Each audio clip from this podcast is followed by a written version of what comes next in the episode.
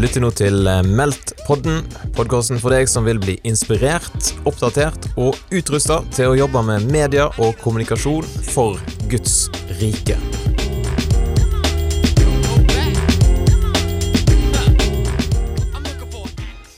Da har jeg fått med Kahoot-mannen sjøl, Alf Inge Wang, i studio her på Meldt-konferansen. Fortell oss tre kjappe fakta om deg sjøl.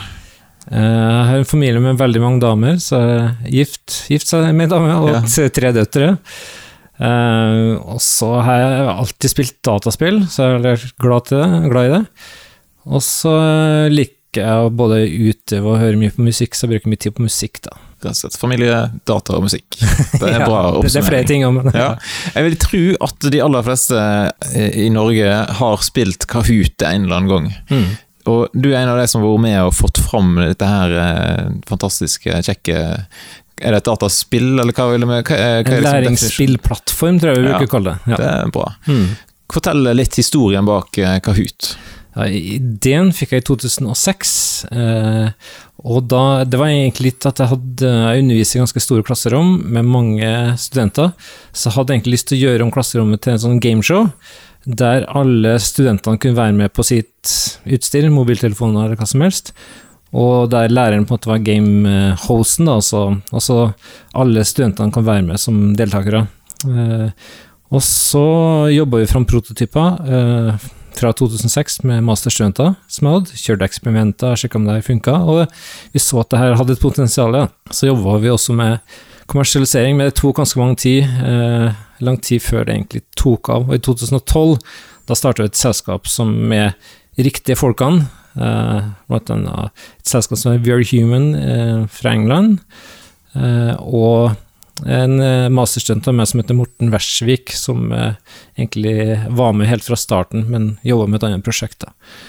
Eh, og derfor egentlig så har det tatt av ganske kraftig. Da. Ja. Hva, hvordan er situasjonen i dag, på en måte? Altså, hvordan, hvordan tjener Kahoot penger, på en måte? Er det Ja, eh, de som er Kahoot-brukere har sikkert merka hvordan, for du, du kan bli spurt om har du lyst til å oppgradere til en eh, pro license eller premium, eh, og da får du litt ekstra funksjonalitet. da. ja, sant. Sånn som for eksempel- klikker fort vekk alt sånn som det der, sikkert. Ja, altså, det skal alltid være gratis for skoler og universiteter, men du kan oppgradere, og så får bedriftene må faktisk betale hvis de bruker det. Mm. Det er for eksempel, ja, sånn som når TV 2 eller NRK vil bruke Kahoot, så må de betale for det, som vi syns er rimelig også. ja, selvfølgelig. Og så, ja, så det legges til sånne ekstra features da, for de som betaler. Mm. Så ja, For eksempel nå så går det an å velge lobbymusikk, en 11 eller 13 forskjellige varianter, men da må du betale for det. Så ja, det ligger en litt sånn Ja. del ting der. Ja. Uh, vet du hvor mange Kahoots blir spilt hver dag? Uh, det varierer jo. Uh, det som det, her, eh, Vi må nesten bruke litt sånn offisielle tall, da, for det, det er et stort selskap. Ja. Altså børsnotert og sånn. Så, men, Såpass, ja. ja. så, så det som har vært det siste offisielle tallet, er at det er 70 millioner aktive månedlige brukere, som er et ganske bra tall, da. Ja, definitivt. Som spiller det jevnt, på en måte. Eller bruker jevnt. Mm. Og du er rett og slett professor i spill, ble Mm. det sagt han her. Da, jeg er helt sikker på at jeg har et par gutter hjemme som, eh, som godt kunne tenkt seg være professor i spill. Hva gjør du for å bli en professor, eller spillprofessor? Ja, så jeg er professor i spillteknologi, eh, for du kan også være professor innen f.eks. med graf... Eller det å lage arten, eller kunstlig, kunstbiten, da, men Mm. for meg er det mer programmeringsbiten. da. Eh, Det var egentlig litt sånn litt tilfeldig, men jeg har bakgrunnen min er innen programvareutvikling, eller programmering. Og så hadde jeg jobba med litt sånn spillprosjekter på, fra, på sida av det egentlig den vanlige jobben min. Egentlig fra jeg var liten gutt, så har jeg egentlig programmert og prøvd å ønske å lage spill, da. Mm. Og så ble jeg spurt eh, i 2006 om jeg ønska å eh, være med på å lage en satsing på, mm, innen forskning og, ut, og utdanning på dataspill for i NTNU. Så det mm, Ja, da Siden den tida så har jeg egentlig jobba mer målretta med det. Eh, Så en del er det, har jeg jo faglig bakgrunn, og en del er mye sånn hobby. Jeg har lest alltid veldig mye blad og ja, veldig interessert i å spilt masse spill. Det er også en del av kompetansen, faktisk. Sant? Hva er favorittspillet? Um, det er litt forskjellige. Um, jeg liker bilspill. Da jeg, Jeg holdt på å si feil spill her, men uh, Gran Turismo et spill som jeg likte veldig godt.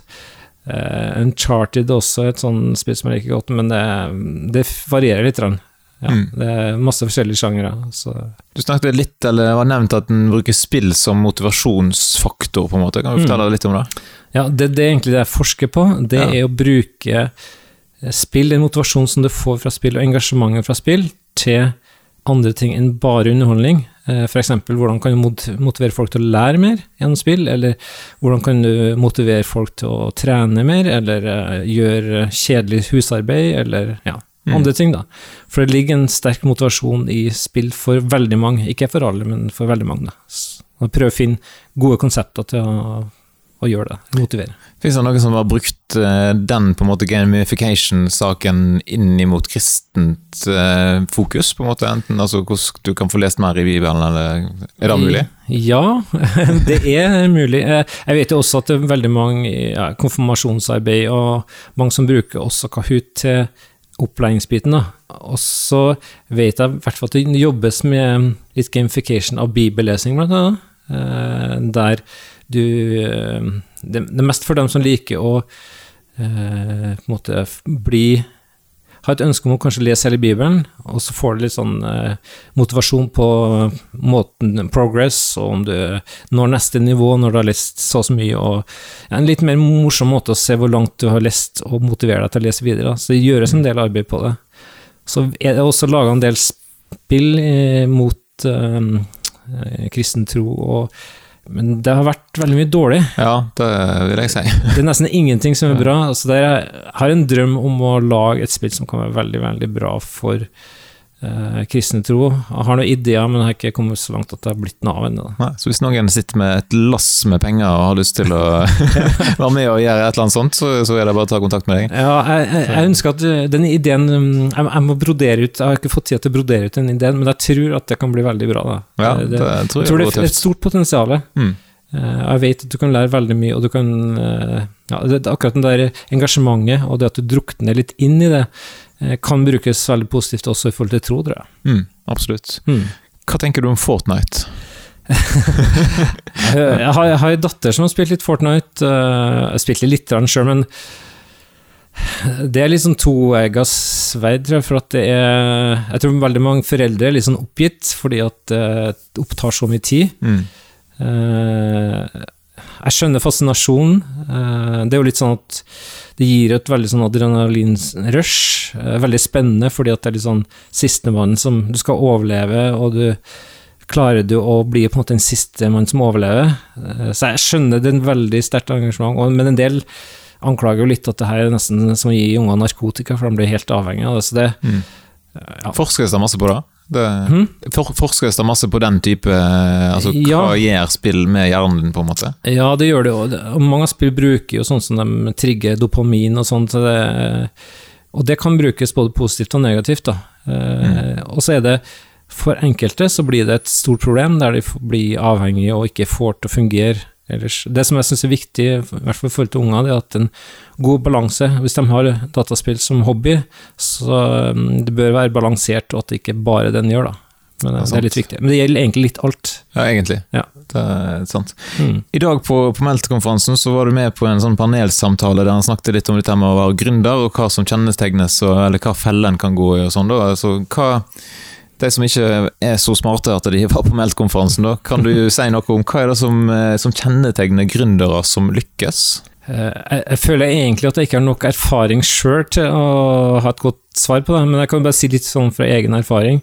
Eh, så tror jeg du trenger, det du trenger i hvert fall, en, du må ha en god idé som um, har et godt nedslagsfelt, at det er noe som løser et problem, eller noe som mange får glede av. Det tror jeg det er en veldig viktig start. Men det andre tingen som minst like viktig, er at du har et godt team, da. Og også et team som ikke bare samme type personer. Eh, et, et problem når vi starta på Kahoot, at vi var bare ingeniører, og vi trengte litt for smalt, rett og slett. Vi hadde ikke den kompetansen som trengtes for å ta det ut mer til folk. Da. Vi laga noe som var teknisk komplisert, men også litt vanskelig å bruke.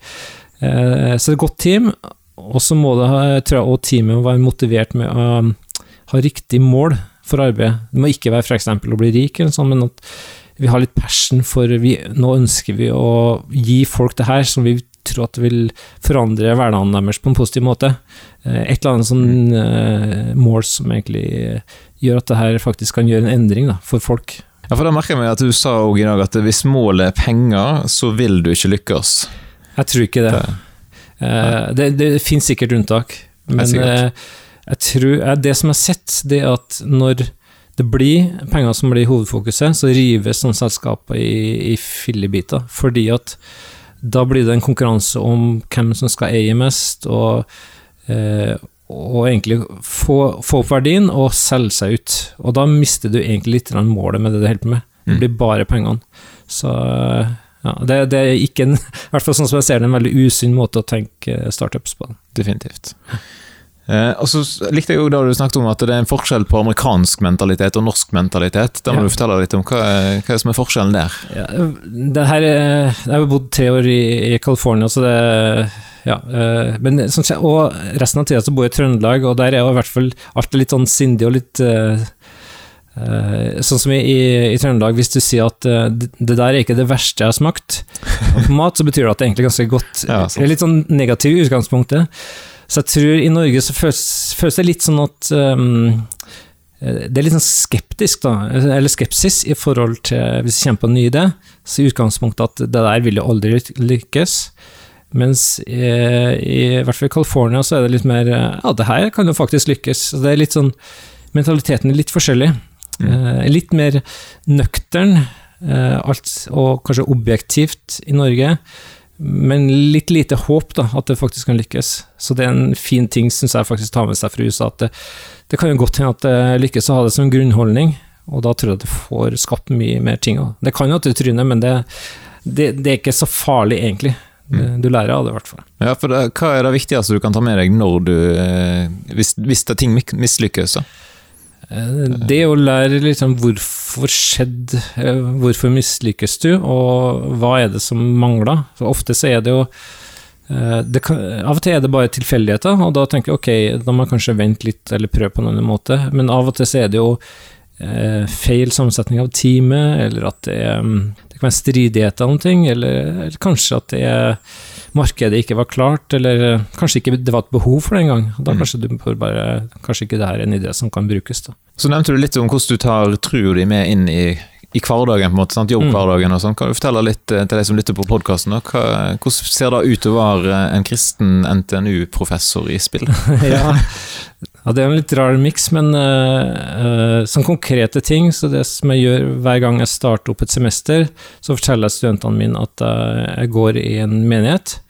Uh, jeg snakker om at jeg spiller litt fotball på fritida, og sp sp spiller litt spill, og jeg driver på musikk, og at jeg er med i en menighet i byen, der jeg blant annet spiller og sånn. Så fra starten så vet de at jeg er en kristen, og da, tenker, og da tror jeg at de observerer ganske nøye på hvem er han der som er en kristen, og, og da syns jeg det er viktig at jeg følger opp med at jeg prøver å se dem, tar dem på alvor.